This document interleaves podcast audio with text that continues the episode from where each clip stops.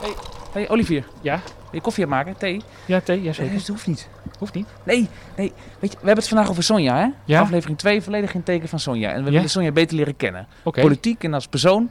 En eh, geen thee? weet je hoe ik vooralsnog Sonja het best heb leren kennen? Nou, In de kroeg. maar, maar die zit dicht. Ik heb wat bij me. Ik heb even Oh. een, eh, een flesje wijn mee. Oh. Het is een beetje vroeg, we moeten voor de avondklok thuis, maar eh, Nou, dan gaan we dat gewoon doen. Wat voor wijn heb je meegenomen? Eh, een rode. Een rode. En een blikje bier. Of Een drie blik- wel zelfs. Oh, Voor iedereen. Hè? mag dat eigenlijk wel? In de fractiehuis eh, hier zo stiekem een biertje drinken? Nou, vast wel. Nou, Oké, nou goed.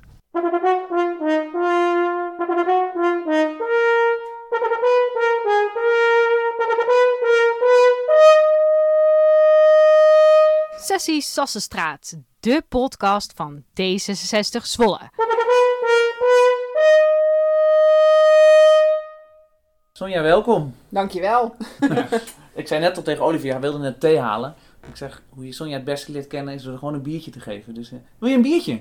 of een wijntje? Eh, nou, ik moet eerlijk zeggen dat dat mijn eerste wijntje sinds 1 januari zou zijn. Oh, echt? Ja. Want ik heb de eh, stopmaand eh, gedaan. Dry January. Wauw. Dry January. nu februari. Ja, het was maandag al februari. Maar ja, op maandag zonder sociale contact- contacten had ik ook geen, eh, geen zin om een wijntje in te schenken. Maar, dus als je een Dus, wijntje ja. hebt... nou, ja, zet op tafel. En hele mooie bekers, namelijk eh, festivalbekers van plastic. Want eh, ik herinner me een motie.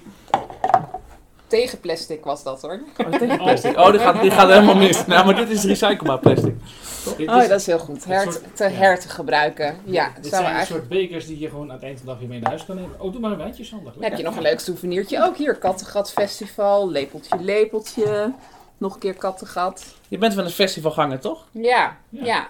Nou, niet, niet dat ik naar eh, Landgraven en zo eh, ga hoor. Wat Kleine dan? Zwolse festivals Kleine vind ik leuk. Wat vond je nou de... Mijn favoriet? Ehm, nou, dat lepeltje, lepeltje vond ik eh, wel heel gezellig. Maar ik heb ook ontzettend genoten van eh, het Zwolle Unlimited. Mhm. Ik denk trouwens dat dat mijn laatste cultuur, live cultuur was Ja, dat zal wel, ja. van 2020 tot nu toe. Ja. Het is wel heftig, hè? Ehm, maar welkom. Dankjewel. Ja, de reden dat we je aan tafel hebben gevraagd is natuurlijk, nou ja, je bent onze Zwolse kandidaat voor de Tweede Kamer in Den Haag. En, maar veel meer dan dat, want hoe lang ben je al fractievoorzitter? Eh, ik ben sinds 2014 fractievoorzitter en sinds 2010 zit ik in de raad. Wat kun je van die begintijd nog herinneren? Eh, als raadslid of als Ja, hoe fractievoorzitter? eigenlijk? Ja, nou, het is eigenlijk wel heel grappig, want ik eh, wist helemaal niet of de politiek wat voor mij zou zijn. Dus ik dacht, weet je, ik ga eens kijken bij die fractie hoe dat allemaal werkt en zo. Dat was eh 2007, 2008. Nou, toen had D66 hier in Zwolle één zetel, geen bestuur, maar 40 leden. Dus er viel nog een hele hoop eh, te ontginnen, zeg maar. En toen heb ik samen met, eh, met Henk eh, Schippers eh, hebben we het bestuur weer opgezet. En in 2010 waren er verkiezingen. Toen dacht ik, nou, ik vind het wel leuk om die politiek toch wat meer te ontdekken. Om te kijken of ik het kan. Ehm, nou ja, ik zeg maar ook tegen de nadelen van de politiek ben, de mindere kanten van de politiek ben opgewassen. En eh, ik was toen zwanger van mijn derde kind. Dus ik dacht, nou, dan ga ik burgerlid worden. Hè? Prima Ja. plek toch? Om, eh, Mhm. om te ontdekken of het bij je past, ja of nee. Maar ik was de eerste vrouw op de lijst. Oh jee, oh jee. En een beetje sociaal-liberaal. Ja. Plek 11, eerste vrouw. Ja, dus ik werd met voorkeurstemmen gekozen. Toen zat ik echt als eh, groentje in de gemeenteraad. We gingen van één naar drie zetels. Dus eh, dat Ja. was wel, eh, wel tof dat ik in ieder geval niet in mijn eentje zat. Maar zat je dan samen met, met Henk Schippers dan? Nee, nee, nee. Ik zat toen met Jan Brink, die net vers uit Den Haag was overgewaaid. En Hans de Vries, die fractievoorzitter werd. Die was daarvoor burgerlid ook geweest. En wij hebben dat vier jaar met z'n drieën gedaan. En ehm, toen in 2014 kwamen er weer verkiezingen. Nou, eh, Hans de Vries die, eh, had als doel om D66 weer een beetje op de kaart te, te krijgen. Dat was eh, gelukt. Dus die stopte. Jan Brink wilde graag wethouder worden. En ja, wij wonnen die verkiezingen ook. We gingen van drie naar zes zetels. Dus ik was het enige ervaren raadslid en ik werd fractievoorzitter. Ja, zo ben ik er eigenlijk een beetje ingerold door wel nieuwsgierig te zijn. Ehm, ook altijd twijfelen wel hoor. Van goh, is dit nou iets waar, je, wat, wat je kan, wat leuk is? Maar al met al slaat de balans dan toch eh, positief uit. En door gewoon te proberen leer je het ook. Ik ben heel erg in gegroeid, hè? Want Dat vernam ik namelijk ook van Hans de Vries. Want ik heb Oh. namelijk Hans even gevraagd. Want je, Ja. je noemt hem nu ook. Hij kent jou van het hele begin. Ja, Ken ik jou helemaal niet. Dus eh, Hans heeft wat ingesproken. Speel ik even af. Kunnen we zo eh, op Leuk. reageren. Mijn naam is Hans de Vries. In 2010 kwamen Jan Brink en Sonja samen met mij voor het eerst in de raad in Zwolle. Ik herinner me heel goed dat Sonja er tegenop zag om het woord te voeren, om achter die katheder te gaan staan en een heel verhaal overtuigend tegen de raad te spreken. Ze las het meer voor van het papier en keek nauwelijks de raad aan. Sindsdien is Sonja een ervaren iemand. Ze weet als geen ander hoe ze de raad moet toespreken. Sonja, kun jij misschien aangeven aan mensen die de raad in willen gaan, hoe die verandering bij jou tot stand gekomen is?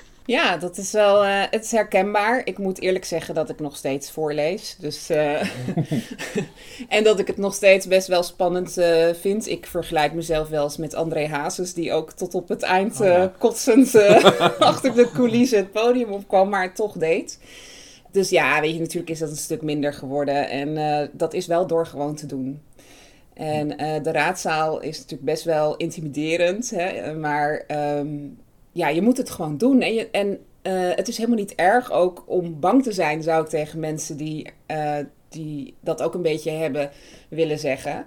Maar je moet het niet uit de weg gaan. Je moet, eh, het is pas echt lef als je die, die angsten ook gewoon tegemoet treedt en het gewoon, gewoon doet. En Ja. dan zal je zien dat, nou, dat inderdaad gewoon een stuk minder wordt met de loop der jaren. Ja, ze groeien in. Ja. Want, want is het dan spannend voor de vragen die je dan op je afgevuurd kan krijgen? Of, of twijfel je dan aan, eh, goh ja, oh, die andere visies, er zit ook wel wat in? Of eh, waar zit dat hem in? Nou, eh, je weet gewoon, dat is in de politiek nu eenmaal zo. Je neemt een standpunt in, dat kent voor- en tegenstanders. En ik ben eigenlijk gewoon van nature iemand van harmonie. dus het is niet zo leuk om tegenstanders te hebben. Ja. Ik kan ook wel eh, ja, behoorlijk direct eh, eh, zijn. En ik vind ook echt dat ik er zit om een punt te maken en om ook kritisch te zijn als raadslid. Je hebt een controlerende taak. Ja. Dus eh, constructief kritisch, zeg maar. Mhm. Nou ja, en, en je weet, de krant zit, zit mee te kijken. En eh, ja, er zijn gewoon mensen die er wat van vinden. Of wat voor vragen zou je krijgen van andere raadsleden? Ik bedoel, je kan nog zo goed in de inhoud zitten. Maar sommige vragen denk je echt van, nou, daar had ik me dus even niet op voorbereid. Wat doe je dan? Nou, als ik het echt niet weet, dan zeg ik dat gewoon. Of maar ehm, ja, gelukkig weet ik het meestal wel.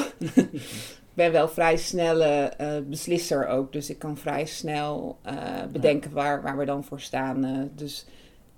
Maar goed, het zijn allemaal van die dingen. Ja, je staat gewoon echt op een podiumpje. En dan, ja, alle ogen zijn op jou gericht. Je bent natuurlijk woordvoerder op bepaalde portefeuilles en daar, daar heb je meer kennis over en daar heb je misschien meer passie voor, want je hebt niet voor niks die portefeuilles. Maar als fractievoorzitter moet je ook de begrotingsbehandeling doen of de PPN en dan moet je misschien ook het hele plaatje kunnen vertellen. Het lijkt me heel moeilijk.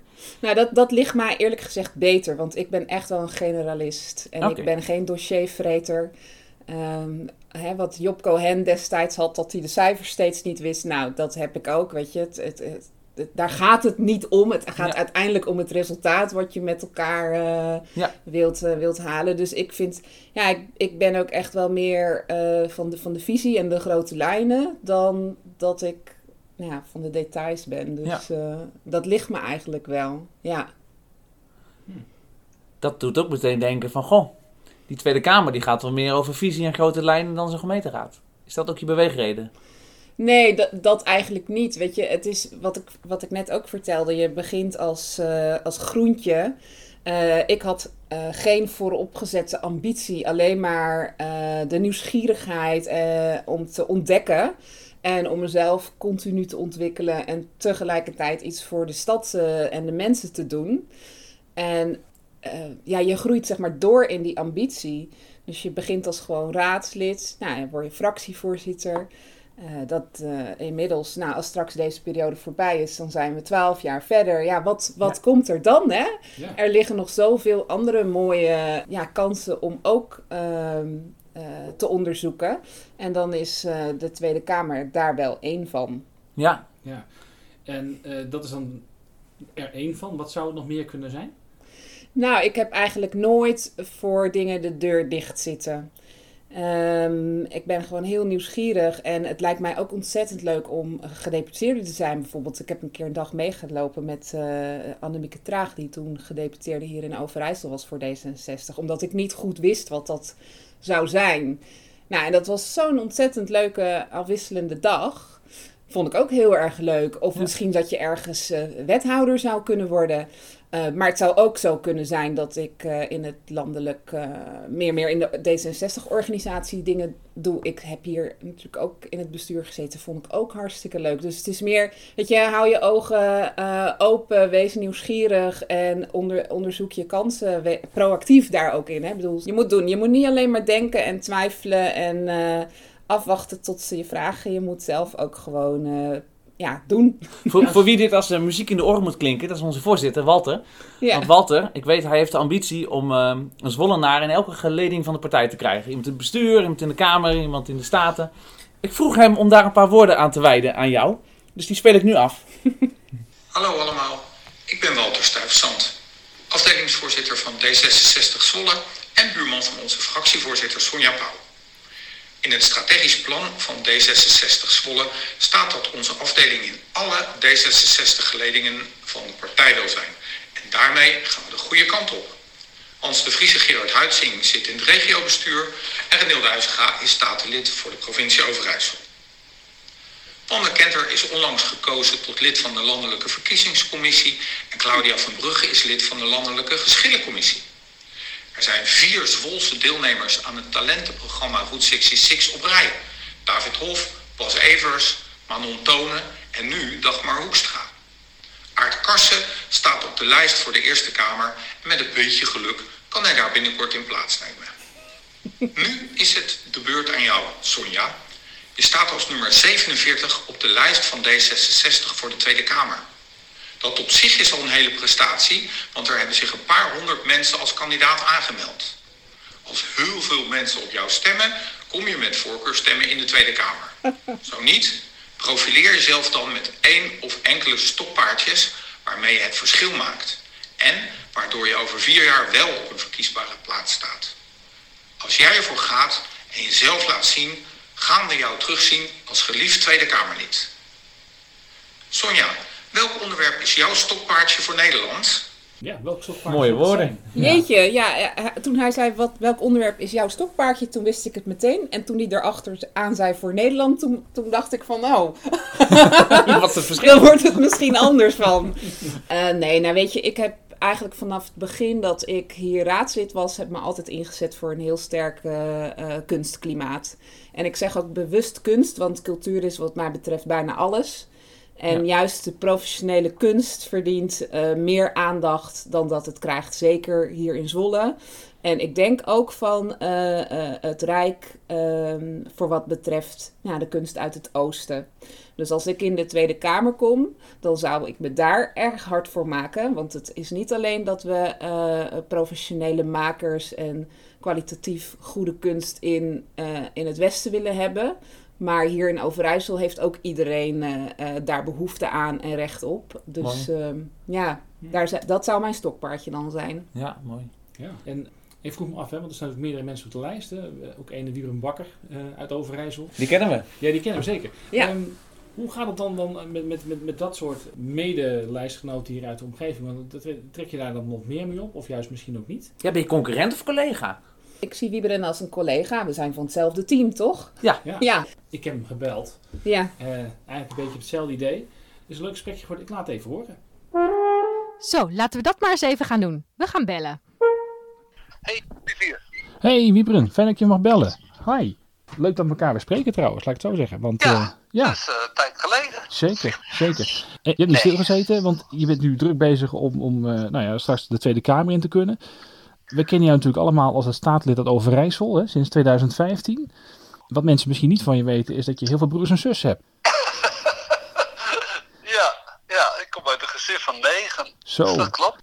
Is dat dan ook gelijk op jonge leeftijd politiek bedrijven of valt dat mee? Nee, dat was wel eh, toen, eh, toen ik zeg maar 13, 14 was en het leuk vond om eh, te gaan zwemmen bijvoorbeeld of te gaan schaatsen. Dat er eigenlijk altijd een broertje of zusje mee moest. Want dat was voor mijn moeder wel fijn. En mijn pa die was met koeien bezig. Dus dan had ze even wat, wat meer armslag, zeg maar. Dus je, je werd wel snel als wat oudere broer in een rol gezet om eh, je jongere broertjes en zusjes eh, nou, mee te bewaken, zeg maar. Ik geloof niet dat dat nou echt politiek was of zo. Dat Nee, nee, geloof nee. ik niet. Nee, dat maar goed. praktisch voor mijn ouders. hey, ehm, als we het over Sonja hebben, waar denk je dan aan? Als ik eh, denk aan Sonja, dan eh, denk ik aan cultuur, aan natuur in de stad, aan monumenten. Iemand die eh, profiel heeft, een mooie fractie achter zich en om zich heen. Een warm mens, iemand die betekenisvol is. Ja, dus het zou heel jammer zijn voor Zwolle als het naar Den Haag gaat. Tuurlijk. Ja, Maar daar kan ze ook nog weer wat voor, voor Zwolle betekenen. ja. Maar wat zou zij dan kunnen doen voor ons? Nou, denk eens aan de cultuursubsidies die voor een belangrijk gedeelte in het westen blijven. Terwijl Zwolle ook, eh, Enschede ook en Deventer ook, maar Zwolle zeker ook gewoon een hoog cultuurvoorzieningenniveau moet houden. En daar horen ook landelijk erkende subsidies eh, bij. En dan is het soms wel nodig om even wat nadrukkelijker te zeggen van hallo, eh, wij zijn er ook. Eh, jezelf eh, staat natuurlijk ook op de lijst. eh, een tikkeltje hoger dan, dan Sonja, hè? want eh, jij staat op 43, Sonja op 47. Ja. Ja, eh, wat betekent dat in de praktijk? Trekken jullie samen op in de campagne? Ja, wij doen wel veel samen. Kijk, er is natuurlijk een landelijke campagne. Daar staan we allebei voor. Ik sta als, zeg maar, noem het de hoogste op de lijst. En daarvan is gezegd, van, nou, wij vinden het belangrijk dat Overijssel goed zichtbaar wordt richting Den Haag. Maar ondertussen, eh, andere kandidaten, dus ook Sonja, die staat gewoon wel op een belangrijke plek. En die heeft ook haar achterban, hè, relaties. En die moeten we vooral ook eh, eh, ruimte geven om ook zelf campagne te voeren voor die mensen die heel graag op haar willen stemmen. En zo eh, bouwen we allebei aan eh, maximale stemmen ophalen voor, eh, voor D66. Ja, en voor Overijssel begrijp ik, hè? want dat is wel een punt van zorg, begrijp ik uit je woorden. Ja, absoluut. Kijk, ehm, wij willen Overijssel meer naar Den Haag brengen. Laat me het zo echt maar zeggen. Waarom? Omdat Overijssel verhoudingsgewijs niet goed op het netvlies staat van politiek Den Haag. En dat heeft te maken, en dat is ook binnen onze eigen partij zo. Zowel Sonja als ik staan niet hoog op de lijst. Hè? We staan niet bij de eerste 25. Terwijl we dat volgens mij vanuit Overijssel meer dan genoeg mensen hebben die dat zouden moeten kunnen. Dus wij willen Den Haag ook onze eigen partij laten zien van jongens, hier, zijn, eh, ook Overijssel uh, doet ertoe. En wij vinden dat Overijssel gewoon sowieso meer in de Tweede Kamer vertegenwoordigd moet worden. Ook vanuit andere partijen en zeker ook vanuit onze eigen partij. Eh, wat wil je meebrengen vanuit Overijssel naar Den Haag? Nee, volgens mij het belangrijkste is dat Overijssel, eh, dat heeft nog een enorm mooi groen gebied. Ik noem het de tuin van Nederland. Terwijl eh, in dat platteland dalen heel veel opgaven neer. Dus het gaat over energieopgaven, het gaat over klimaatproblematiek, het gaat over eten produceren, als het gaat over recreatie. Alles komt in, dat, nou, in, die tuin van Nederland komt dat terecht. En er wordt te gemakkelijk gedacht dat de opgaven die we nationaal hebben, dat die wel in onder andere Overijssel dan een plek kunnen krijgen. En ik wil ervoor vechten dat, dat, dat die tuin van Nederland, ook als die opgaven voor een deel hier horen, hè, voor de gemeenschap die hier woont, werkt, leeft, dat die wel op een goede manier ingebed wordt. En dat we niet een soort afvoerputje worden voor, uh, voor andere delen van Nederland. Maar dat we samen een verantwoordelijkheid dragen, ook over IJssel, maar niet alleen uh, richting Overijssel kijken van jullie lossen uh, maar een probleem op wat we misschien in Zuid-Holland hebben. Dat gaan we niet doen. En wat voor een probleem zou dat kunnen zijn? Nou, je, je, hoort, je hoort nu al dat in Noord-Holland er een probleem is met de regionale energiestrategie. Dus uh, de windmolens en zonneparken die nodig zijn om die duurzame energie op te wekken. Dat lukt daar wat moeilijker omdat het dichter bevolkt is.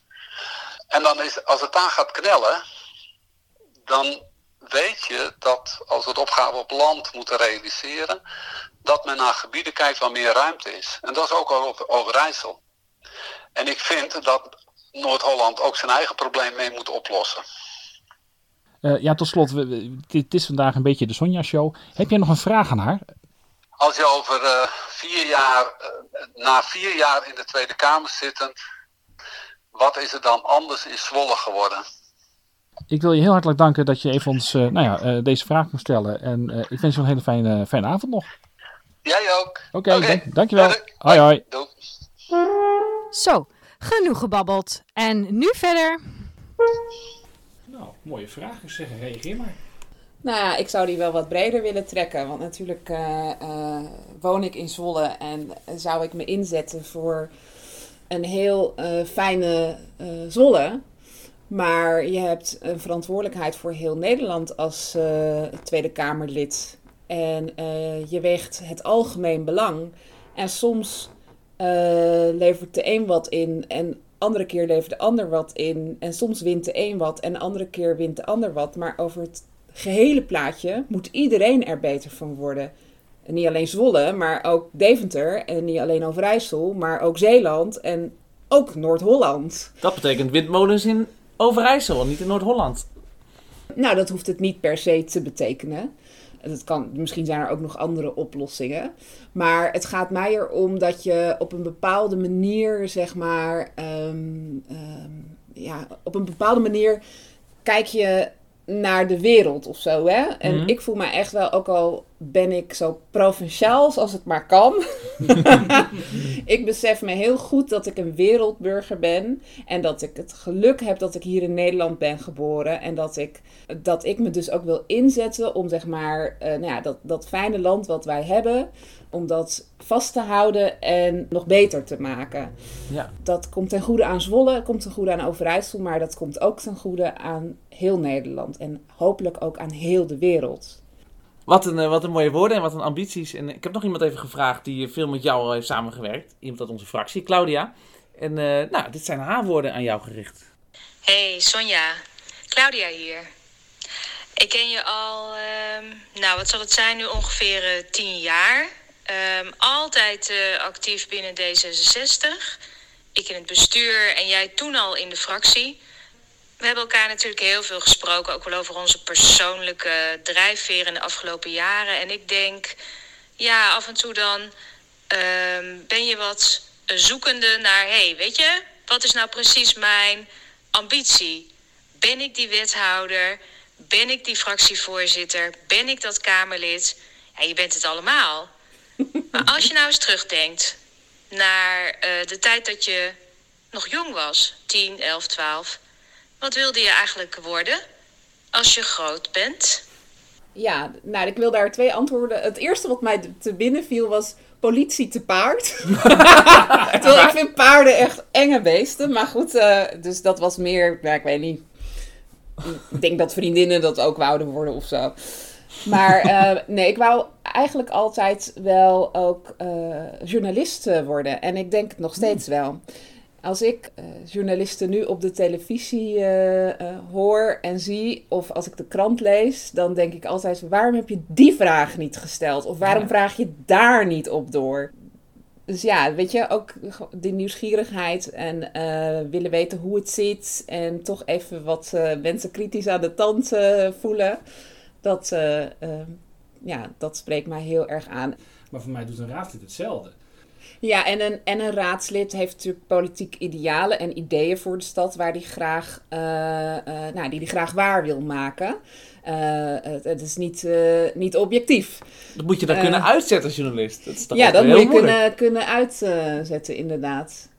Ik geef even met een oog op de klok, want ja, uh, uh, we zitten hier op de avond. Het loopt al tegen tien over acht. We moeten straks weer terug naar huis fietsen en zo. Ik heb eigenlijk geen vragen meer. Heb jij nog vragen, Sander? Uh, nee, ik heb het gevoel dat we nog meer weten over jouw drijfveren, over je idealen. En dus, nou ja, ik hoop dat ook de luisteraars nog meer beeld hebben van de persoon op wie ze gaan stemmen. Ja. Dat gaan ze doen natuurlijk. We zitten hier toch bij een D66-podcast. Heb jij nog wat woorden voor de mensen die luisteren? Wat die zeggen van, goh, ik wil graag iets kwijt. Heb je vragen of uh, ideeën? Uh, wil je zelf actief worden? Twijfel je daaraan? Uh, ik, sta, ik, ben, ik, ben, ik sta tot je beschikking. Ja. Schroom niet, zou nou, ik zeggen. Dankjewel. Wordt het tijd voor de column van Sander Wageman. Maar eerst nog even proost op een Haagse overwinning. Zo is Zwolle. Proost. proost.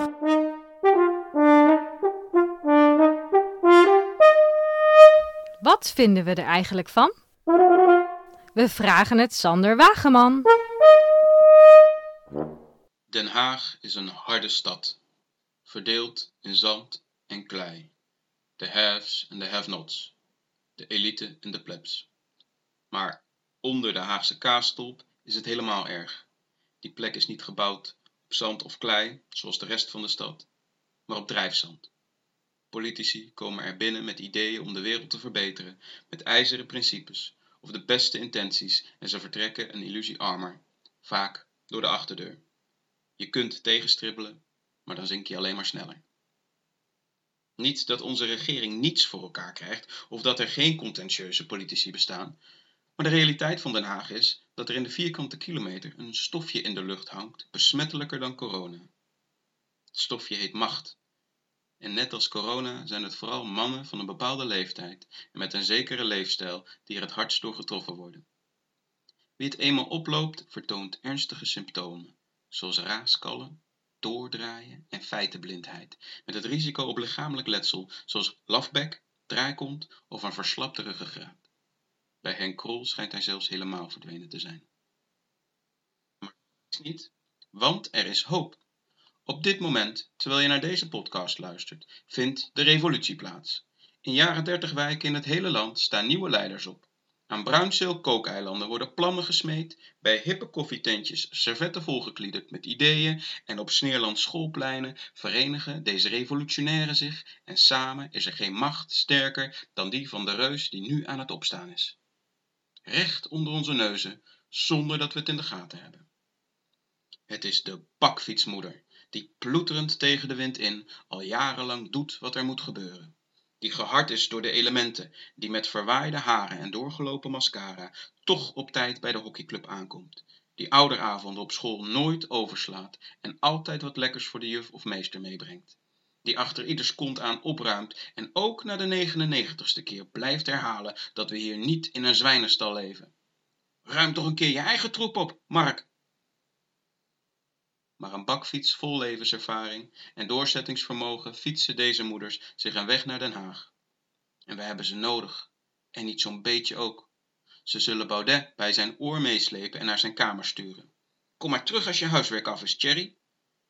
Ze zullen bij de volgende toeslagenaffaire de verantwoordelijk minister indringend aankijken en zeggen: Ik ben niet boos, ik ben teleurgesteld.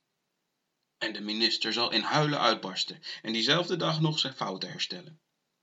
En bij rellen zetten ze hun bakfiets midden op het plein en dan roepen ze hoogstpersoonlijk radrijders tot de orde om ze vervolgens bij hun moeders af te leveren. Ze zullen er altijd staan voor jou en voor mij, ons nooit in de steek laten en ze hebben het beste met ons voor, wat we ook doen en wat er ook gebeurt. Sonja Pauw uit Zwolle is de Che Guevara onder de bakfietsmoeders. En op 17 maart is er een kans om haar naar Den Haag te sturen, om de revolutie te laten slagen. Ik zie de toekomst van politiek Den Haag en ze heet Sonja Pauw. Bakfietsmoeder, maar vooral een verdomd goed mens. En dat is precies wat Nederland nodig heeft. Ik herhaal het nog één keer. Sonja Pauw, nummer 47, lijst D66.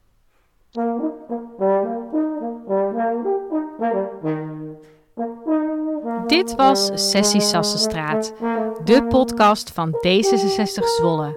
Vragen, opmerkingen, mail naar secretaris.d66zwolle.nl